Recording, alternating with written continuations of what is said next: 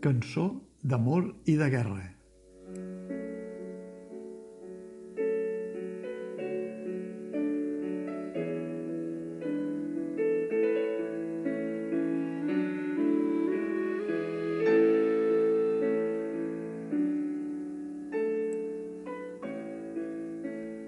La imatge condiciona el viure contemporani.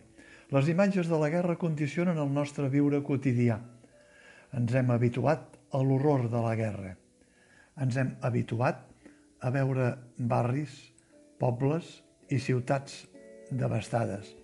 Ens hem habituat a veure edificis emmascarats i esventrats.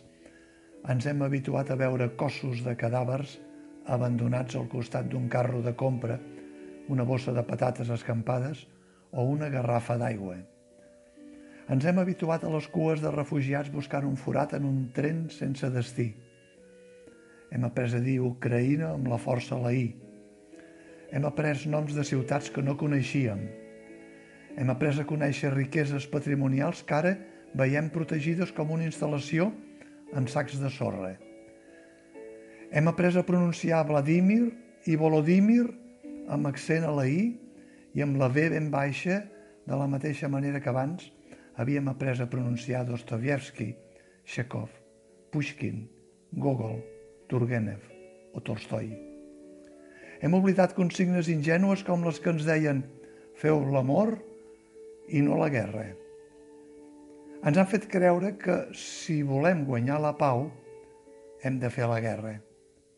Hem fet convois carregats de medicaments, aliments i roba de segona mà al costat de convois carregats de míssils, armes d'última generació i munició en nom d'un fons anomenat de pau.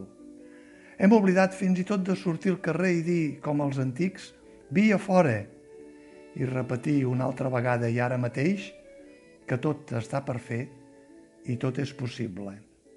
Posats a oblidar, hem oblidat fins i tot de cridar ben fort no a la guerra.